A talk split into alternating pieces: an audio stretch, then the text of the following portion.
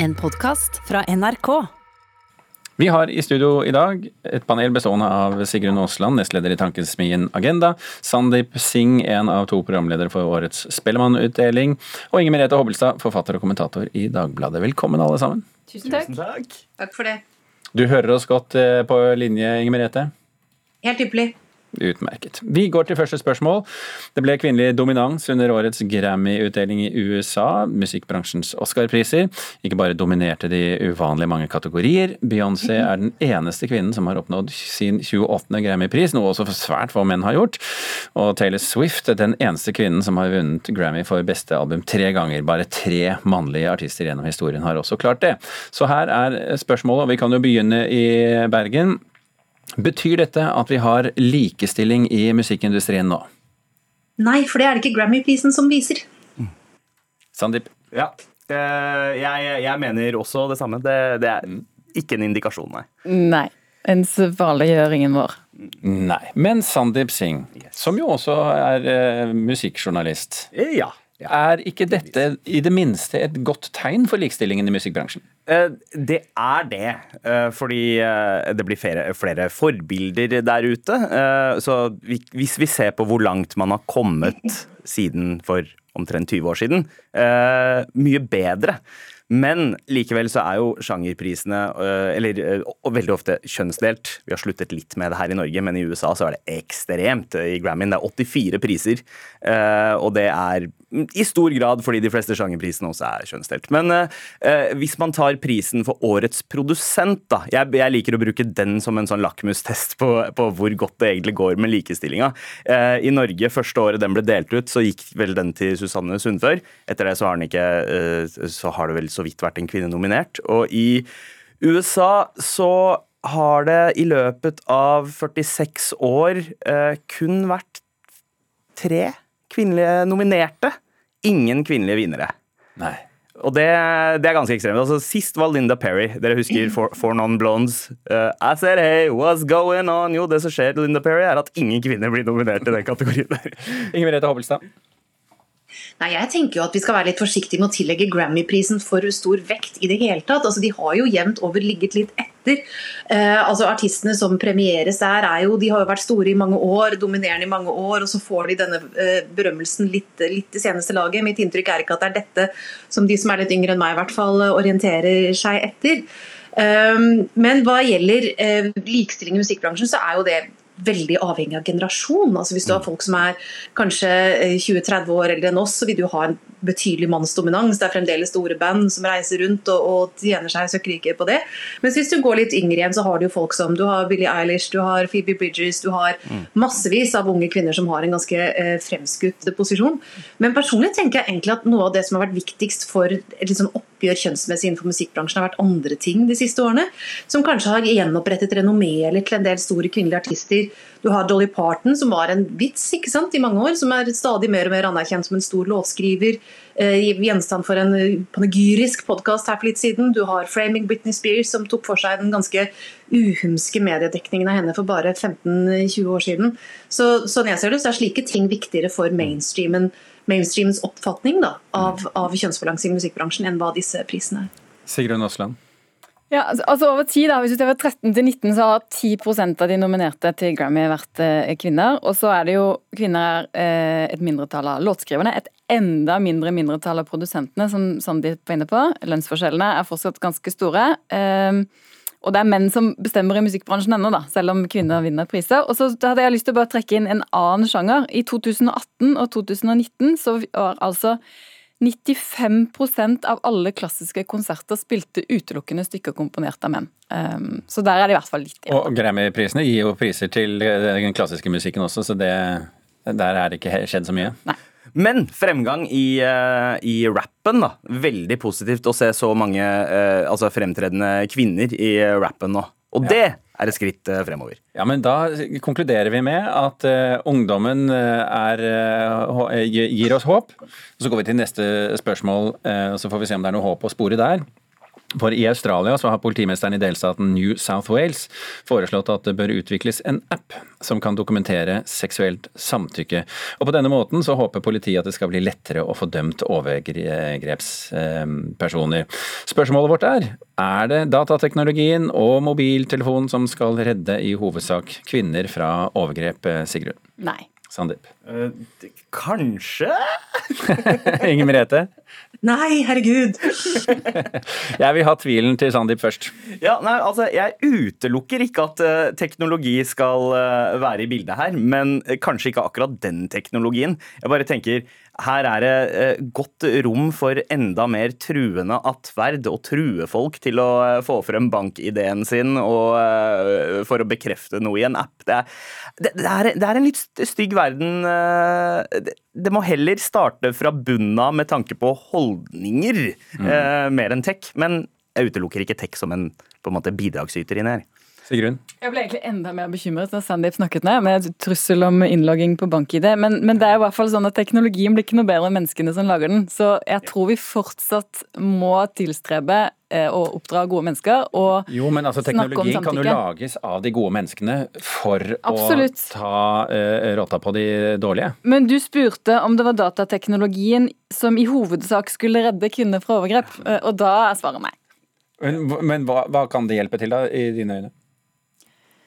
Jeg tror en sånn app har litt begrenset uh, verdi. Jeg tror det er eh, fortsatt sånn at det er menneskene som er problemet her, mm. uh, og ikke uh, hvorvidt samtykke ble tydelig eller utydelig formidlet. jeg tror dette er et, et, eksempel på et ganske komplekst problem der det ikke er sikkert at det finnes en enkel teknologisk løsning, selv om den kanskje kan bidra. bidra. og så er det jo veldig ofte sånn med teknologien at jeg tror vi skal huske på eh, at den blir jo ikke noe bedre enn de menneskene som lager den, og i hvert fall ikke noe bedre enn de menneskene som bruker den.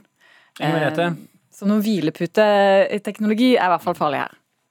Nei, altså Hvis man først får det bildet ut av hodet der man står og liksom fomler med bank-ID på mobil og skal liksom ha eh, eh, dristig kjøkkenrett ikke sant, som kommer opp som skal trykke kode til og sånn, altså hvor, hvor grimt det høres ut. da. Eh, så kan man jo begynne å snakke om at dette er, vil jo være en forferdelig idé virkelig for begge parter. Altså, for det første så kan du jo se for deg hvis du er kvinne for eksempel, og hvis du har sagt ja til å bli med noen hjem, ha sex med noen, og du trykker da inn på eh, deilig kart eller hva det nå står på bank-ID på mobil, og så skjer det noe du ikke liker. ikke sant? Så skjer det noe du opplever som utilbørlig press. Eh, det skjer noe som gjør at stemningen endrer seg. Da må du logge deg inn igjen. Og så, får, å, hjelpe meg!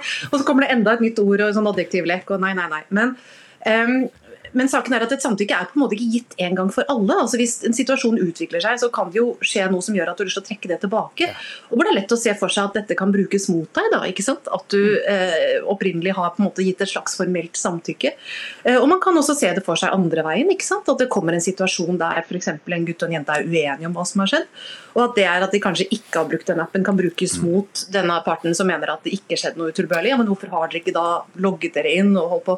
Så her er det åpenbart at dette setter begge parter synes jeg, en mer utsatt situasjon, og ikke en mindre utsatt situasjon. Så, så terningkast til politimesteren i New South Wales? Du, Han har allerede gitt seg selv terningkast to omtrent. Han har vel eh, allerede rukket å gå ut og si at dette nok ikke var det smarteste han hadde sagt eh, på jobben, og det kan jeg jo si meg helt enig i. Ja, og nå vet vi altså hvorfor. Vi hopper til spørsmål nummer tre.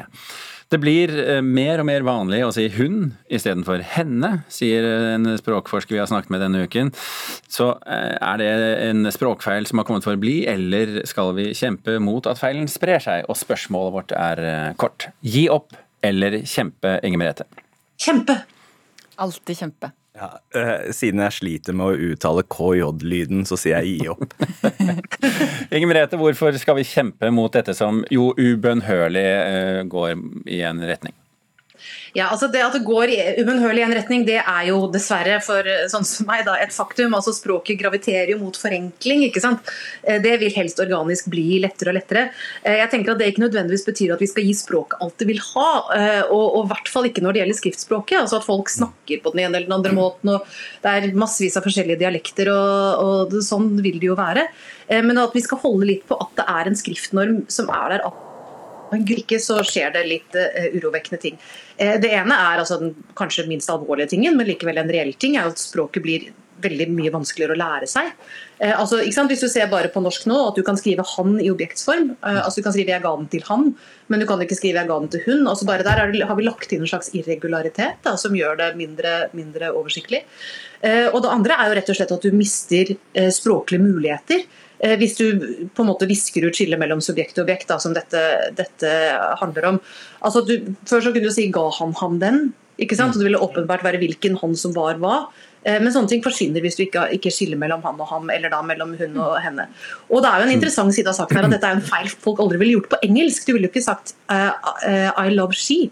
Uh, men så er dette vanskeligere på norsk enn på et fremmedspråk, og det er også en fascinerende ting her. Sigrun?